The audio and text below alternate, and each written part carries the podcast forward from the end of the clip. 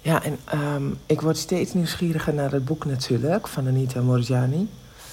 Ehm, maar het is wel heel leuk om te horen hoe je dat uit elkaar haalt allemaal. En hoe je het ook weer verbindt met andere mensen die hier dingen over hebben gezegd of geroepen of gevonden, zeg maar. Dat vind ik altijd ehm, mooi om te zien. Dat uiteindelijk oeps, we misschien wel eens tot een antwoord zouden kunnen komen. Als we maar lang genoeg ehm, ja, blijven luisteren naar mensen die hier allerlei beelden bij hebben. En ehm, het is natuurlijk niet uh, zo dat er maar één waarheid is. Uh, tenminste, dat is. Uh, ja, weet je, ieder heeft natuurlijk zijn eigen waarheid. Maar daar waar de waarheid resoneert van een ander, zit je volgens mij op het goede pad. Dus, uh, en ik moet zeggen dat de dingen die je vertelt, uh, die resoneren wel heel erg. Het, omdat het zo logisch is en klinkt. En uh, dat heb ik eigenlijk altijd wel gehad. Dat ik iets ehm, in, de, in, de, in de periode voordat Human Design mij uh, kwam bezoeken, zeg maar even. heb ik altijd wel dit soort dingen gehad. Dat ik daarin geïnteresseerd was en dat ik dan even een tijdje ging bestuderen. En maar dan werd het voor mij altijd weer vaag en dan liet ik het weer los, weet je wel. Dan kon ik het niet pakken of dan kon ik niet... Ja, maar hoe doe je dat dan, weet je? Hoe, hoe kom je daar dan?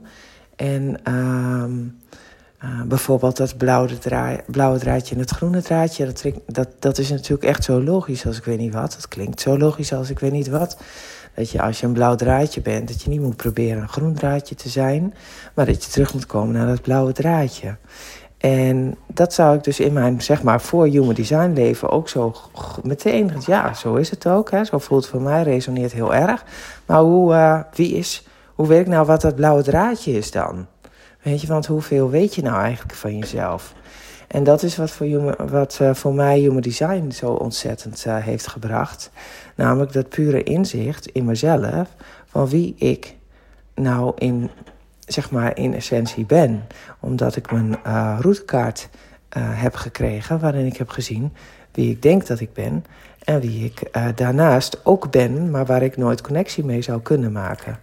Dus um, dat maakt voor mij dat alle concepten of alle ja, gedachtegangen die je beschrijft in jouw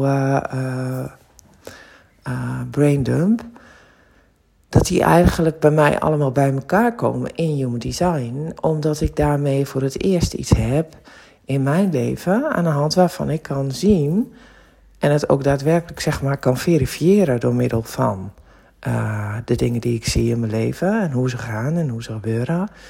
Maar wat, wat het allerfijnste en aller, ja, voor mij Walhalla zeg maar zo ongeveer is van uh, Human Design, is dat ik ook weet um, hoe ik dan als mezelf zou moeten leven en wat ik daarin um, wel of niet zou moeten doen.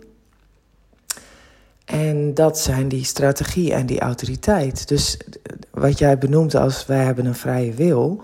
Binnen Human Design gaat het over. Ja, wordt eigenlijk gezegd: ja, je hebt eigenlijk geen vrije wil. Je hebt gewoon geen keus. Anders dan het leven te leiden wat voor jou bedoeld is. Dus vrije wil is in die zin ook een illusie. Vrije wil wordt, wordt namelijk um, gecreëerd door wat jouw hoofd zegt dat jouw vrije wil is. En jouw hoofd heeft nooit gelijk binnen Human Design. En dat heb ik al heel vaak gemerkt dat dat klopt.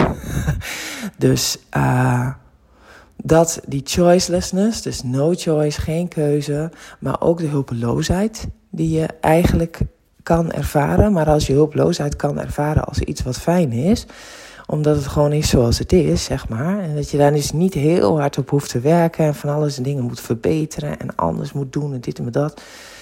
Dan is hulpeloosheid een, waans, nou, een waanzinnig fijn iets. Weet je, baby's zijn ook hulpeloos feitelijk, maar leven ook. En uh, uh, ja, en natuurlijk die uh, hebben iemand nodig die hen voedt. Tot de eerste zeven jaar van je leven moet je sowieso bij afhankelijk van andere mensen die voor jou zorgen. Zeven jaar is een heilig getal zo ongeveer.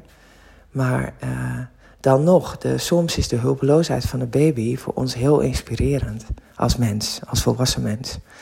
En uh, dat vertedert ons vaak ook. Hè? Een baby die echt wel helemaal lekker in, in zijn elementje is, of een haar elementje. Dat kan. Ik denk altijd dat dat iets in onszelf aanwakkert, het kleine kind in onszelf. Van oh, hè, dat resoneert enorm. Ehm, en dat is voor mij dus de baby, is de hulpeloosheid in jouzelf.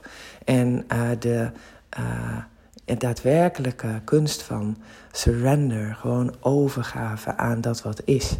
En dat dat eigenlijk leven is. En inderdaad, dat is in, in principe gewoon non-lineair. Als jij namelijk leeft in het moment, in het moment dat jij op dat moment staat waar je staat en je leeft, dan is daar geen tijd. Uh, dus uh, alles komt heel mooi bij elkaar. Ik vind het echt fantastisch. En uh, ook Human Design is maar een concept, hè. Maar voor mij is dat Human Design concept helpend, omdat ik het daarmee vorm kan geven. En ik hou ervan om dingen praktisch te maken.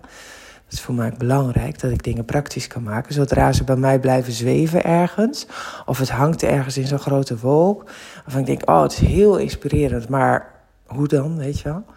Dan kan ik daarbij wegdrijven en dan kan ik het ook niet in die zin waarmaken. Dus, um, en het waarmaken gaat dan vooral naar mijzelf.